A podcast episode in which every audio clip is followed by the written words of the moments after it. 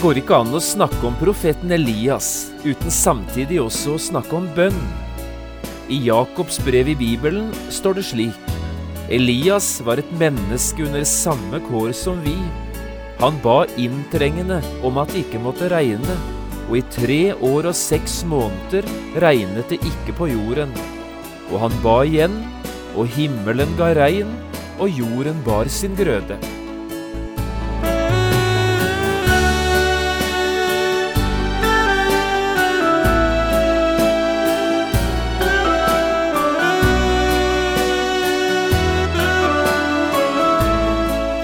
Hjertelig velkommen til et nytt program i serien Vindu mot livet. Programmet er produsert av Kristen Riksradio og blir ledet av Jon Hardang.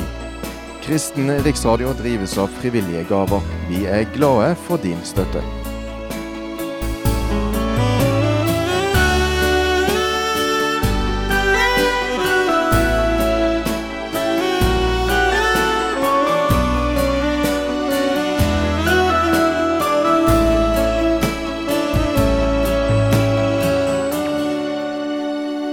Vi skal også i dag fortsette denne bibelundervisningsserien som handler om profeten Elias. I tolv programmer skal vi gjøre en bibelvandring der vi stanser ved de viktigste begivenhetene i den berømte profetens liv. Du kan få kjøpt også denne programserien på CD ved å henvende deg til P7 Kristen Riksradio. I dette programmet skal vi lese om det første som skjedde etter at profeten Elias hadde beseiret alle avgudsprofetene oppe på fjellet Karmel, og så siden drept hver eneste en av dem. Da bøyde Elias sine kne og begynte å be om regn. Vi leser fra første kongebok i kapittel 18 og vers 41 til 46. Jeg har kalt dagens program På kne for Gud. Så sa Elias til Akab, Gå nå opp og et og drikk, for jeg hører suset av regn. Da gikk Akab opp for å ete og drikke, men Elias gikk opp på toppen av Karmel og bøyde seg mot jorden med ansiktet mellom knærne. Så sa han til sin tjener, Gå opp og se mot havet. Gutten gikk opp og så utover, men sa, det er ikke noe å se. Sju ganger sa Elias, gå dit igjen. Den sjuende gangen sa gutten, se, en liten sky, så stor som en manns hånd, stiger opp av havet. Da sa Elias, gå opp og si til Akab, spenn for og far ned, så regnet ikke skal hindre deg og i en håndvending mørknet himmelen til, med skyer og storm, og det kom et sterkt regn. Og Akab kjørte av sted og for til Israel. Da kom Herrens hånd over Elias. Han bandt opp om seg og sprang foran Akab, helt til Gisrael.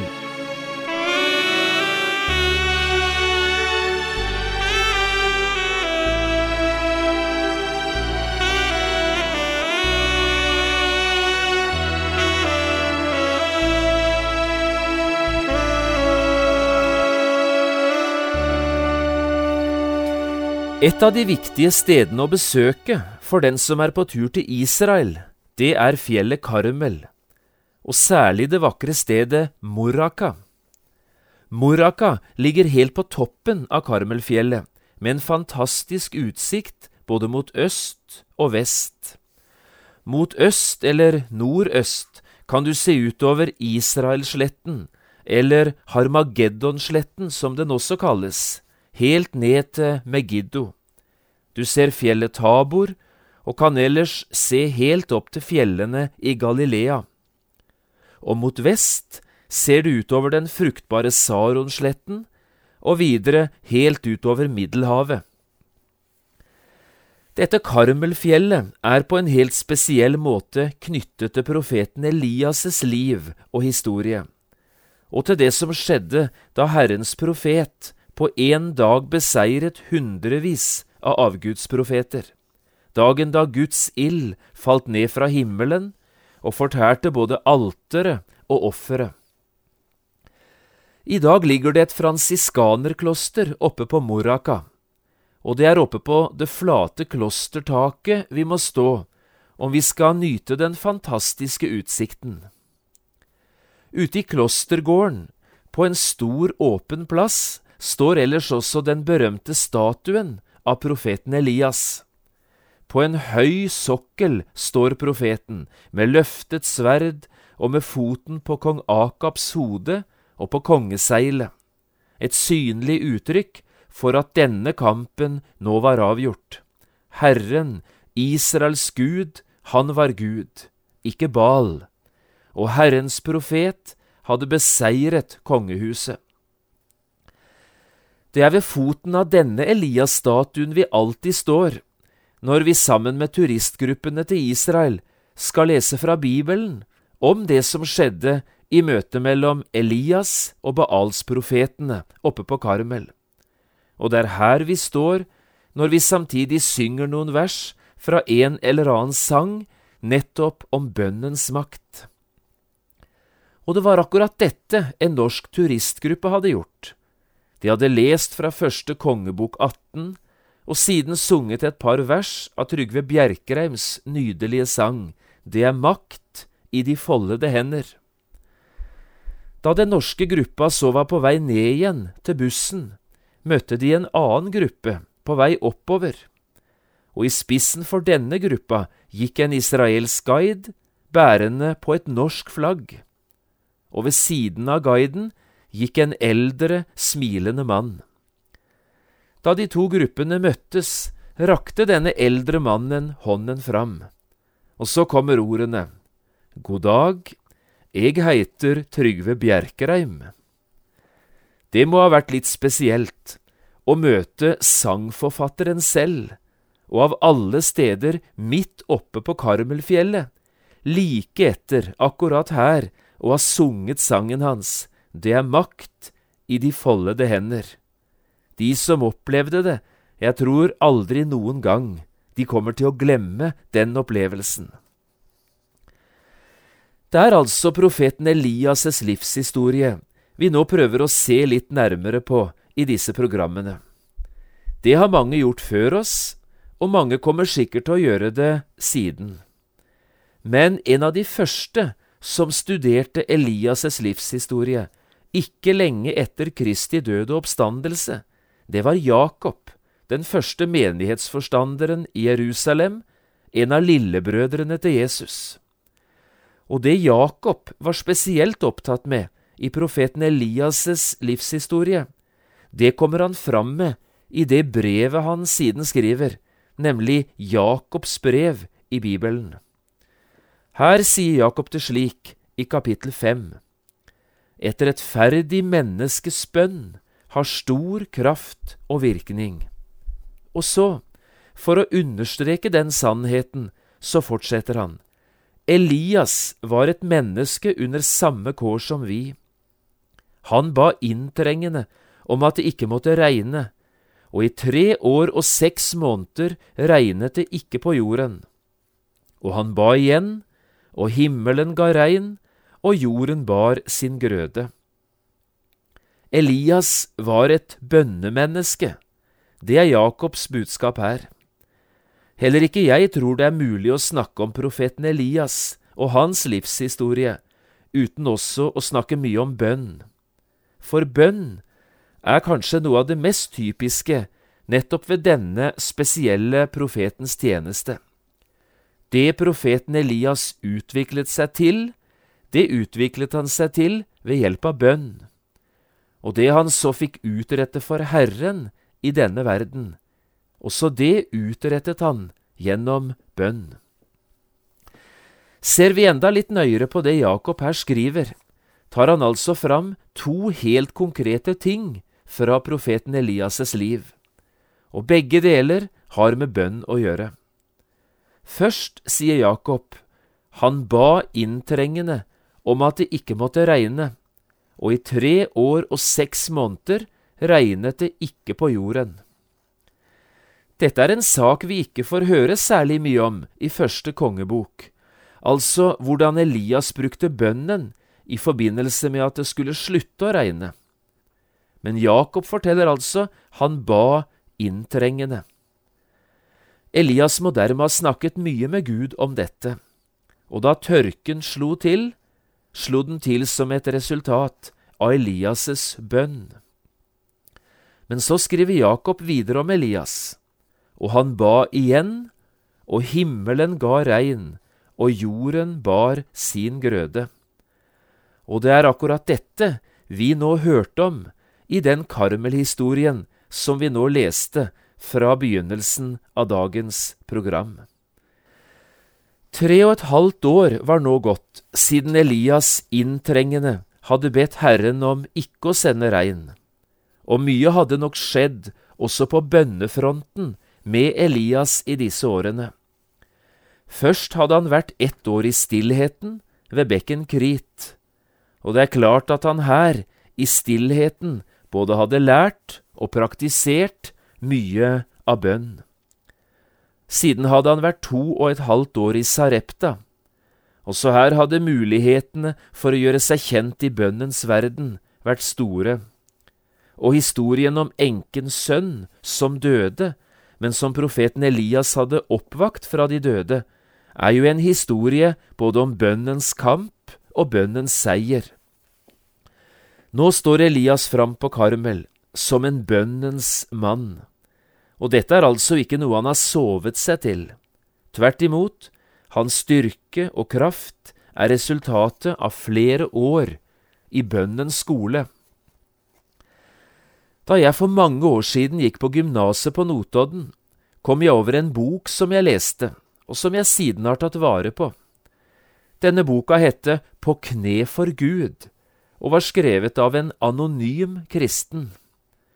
Litt uvanlig kanskje at en forfatter skjuler navnet sitt, men boka var skrevet som en veiledning inn i bønnens verden, og en oppmuntring til et rikere liv med Gud i bønn.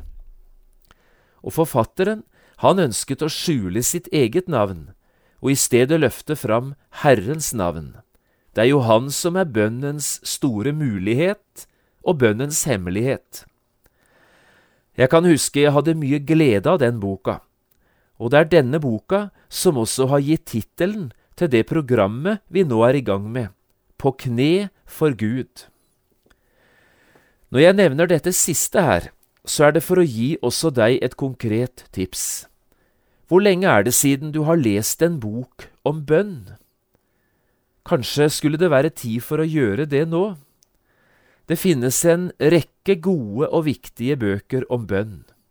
Fra Bønnens verden av Ole Hallesby, Bønn framfor alt av Oddvar Sjøvik, Med Kristus i bønnens skole av Andrew Murray, eller På kne for Gud av en anonym kristen. Bare for å nevne fire bøker. Men det er også mange andre forfattere som har berørt samme tema. Og i tillegg finnes det en rekke såkalte bønnebøker, altså bøker med ferdig formulerte bønner. Også det kan være en god hjelp, både til å utvide temaområdene i bønnelivet, og for å få hjelp til å variere og berike et bønneliv, som ellers veldig lett kan bli ensformig og havne i gamle, djupe hjulspor. Ta dette som et konkret tips Kanskje også du på denne måten kunne få hjelp og inspirasjon. Historien vi leste fra begynnelsen i dag, er altså en historie om bønn. Det første profeten Elias gjør, etter seieren over avgudsprofetene, det er å be. Elias går helt konkret opp på toppen av fjellet sammen med sin tjener. Her bøyer han sine kne i bønn til Gud. Og det som så skjer, det har jeg lyst til å si litt om i siste delen av dette programmet. For også her er det ting å lære, både om bønnekamp og om bønnesvar. Det første jeg vil du skal legge merke til, er de to stiene som går fra alteret på Karmel. To stier som går hver sin vei. Og på hver av disse stiene går det én mann. Begge to er ledere, åndelige ledere, folkeledere. Bort fra alteret, ned til et matbord, går Israels konge Akab. Den sultne kongen vil nyte et godt måltid mat. Opp til toppen av fjellet går Elias, Guds profet, ikke for å nyte mat, men for å yte, ikke for å spise, men for å be. Jeg ser to stier og to mennesker, to vidt forskjellige mennesker som gjør forskjellige valg, og som dermed går hver sin vei. La oss lese det helt konkret slik det står. Så sa Elias til Akab, Gå nå opp og et og drikk, for jeg hører suset av regn. Da gikk Akab opp for å ete og drikke. Men Elias gikk opp til toppen av Karmel. Han bøyde seg mot jorden med ansiktet mellom knærne. Jeg tenker, hvorfor ba profeten Elias kong Akab om å gå og ta seg et måltid mat? Jeg tror det var for å prøve kongen. Hadde det store underet gjort noe med han? Var kongen kommet på andre tanker enn de han tidligere hadde hatt? Kunne han nå tenke seg å vende om? Men profeten Elias ble skuffet. Kongen bare roet seg ned med vin og god mat. Han delte på ingen måte profetens nød og smerte for et folk som var i krise, og et land herjet av tørke. To stier og to menn på vei bort fra et alter. Hvem av disse to ligner du og jeg på? Han som bare var opptatt med å ete og nyte? Eller han som gjorde folkets nød til sin nød, og som derfor ville yte noe og be? Det er det utfordrende spørsmålet som vi møter akkurat her, foran de to stiene oppe på Karmel. Og så det andre. Vi møter fem viktige kjennetegn på ekte bønn i den måten Elias oppfører seg på når han nå bøyer sine kne for å be om regn. Og la meg nå få lov å peke på disse fem tingene under henvisning til historien vi nettopp har lest. For det første, Elias søkte ensomhet og stillhet når han skulle be. Det var derfor han gikk opp på toppen av fjellet. Omkring de to altrene lenger ned på Karmel myldret det fortsatt av folk, og mens de flyktende avgudsprofetene var blitt innhentet av Guds dom, var det fortsatt mye uro og bevegelse. Nå var det tid for bønn og dermed også for stillhet innenfor Guds ansikt. Derfor gikk Elias. Også Jesus talte om dette en gang, behovet for å være alene med Gud. Lønnkammeret var det Jesus talte om i den sammenhengen. Men du, når du ber, da gå inn i ditt lønnkammer og lukk din dør, og be til din far som er i lønndom og din far, som ser i lønndom, skal lønne deg i det åpenbare. Så det andre. Elias bøyer seg for Gud, ydmyker seg for Guds ansikt. Han har intet å kreve, men han prøver å be. Han bøyde seg mot jorden med ansiktet mellom knærne, slik lyder beskrivelsen i vers 42. Dette er skildringen av en ydmyk og bøyet Herrens tjener, som gjennom mange år i Guds skole hadde lært noe om hva bønn handler om. Bønn handler ikke om å kreve, men om å tigge, ikke om å ville kommandere Gud, men å lytte til Guds befalinger. Visst hadde Elias også sine tanker og sine ønsker. Visst hadde han et håp om hva som skulle skje, også dette tar han med seg inn i Guds nærhet. Og allikevel ber Elias, Herre, ikke som jeg vil, men som du vil. Det tredje er dette. Elias' bønn er full av forventning, av forventning til Gud og til Guds svar. Gud hadde jo tidligere gitt han et løfte om å sende regn, og dette løftet forventet Elias at Herren nå ville innfri. Gå og tre fram for Akab, så vil jeg sende regn over jorden. Slik hadde Gud talt til han. Og Elias hadde gått til kong Akab, akkurat slik Herren hadde bedt han om. Nå var det Gud som skulle innfri sin del av avtalen. Og som et synlig uttrykk for sin forventning ber profeten sin tjener om følgende, gå opp og se ut mot havet. Profeten visste at vindene fra øst alltid var tørre og varme og tomme for regn. Skulle det komme regn, måtte det komme fra vest, ute fra havet. Ja, allerede før Elias gikk opp på toppen av fjellet, hadde Elias faktisk sagt til kong Akab, Jeg hører sus av regn. Det kaller jeg forventning. Og så det fjerde. Elias er tålmodig. Han viser en utrolig utholdenhet i sin bønn. Ikke lenge etter at profeten hadde bedt sin tjener om å gå og se utover havet, kom tjeneren tilbake. Det er ikke noe å se. Sju ganger hadde profeten gjentatt de samme ordene, gå opp og se ut mot havet, og hver gang var svaret det samme, det er ikke noe å se. Men så, den sjuende gangen, er bildet forandret.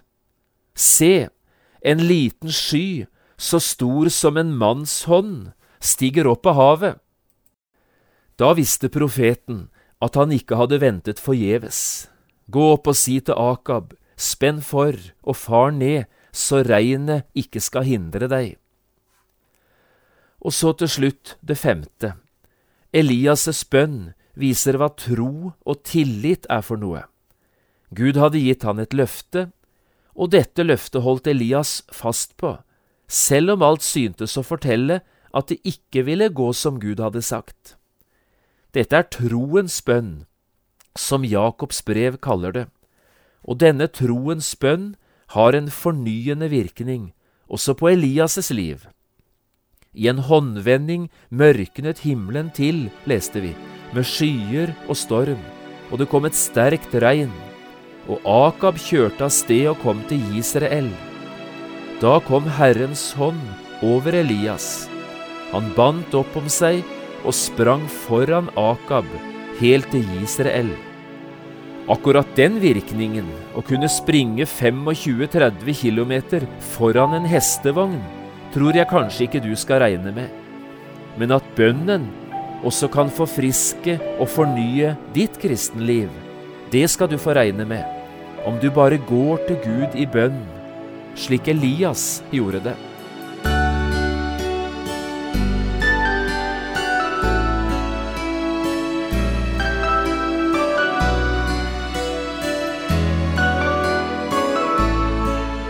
Du har hørt på et program i serien Vindu mot livet med John Hardang. Programmene i denne serien kan også kjøpes på CD fra P7 Kristen Riksradio, eller høres på internett på p7.no. Har du spørsmål eller kommentarer til det du nå har hørt, kan du ta kontakt med oss på telefon. Da bruker du telefonnummer 56 32 17 01. Du kan også sende oss en e-post. Adressen er vml krøllalfa p7.no. Takk for i dag, og på gjenhør.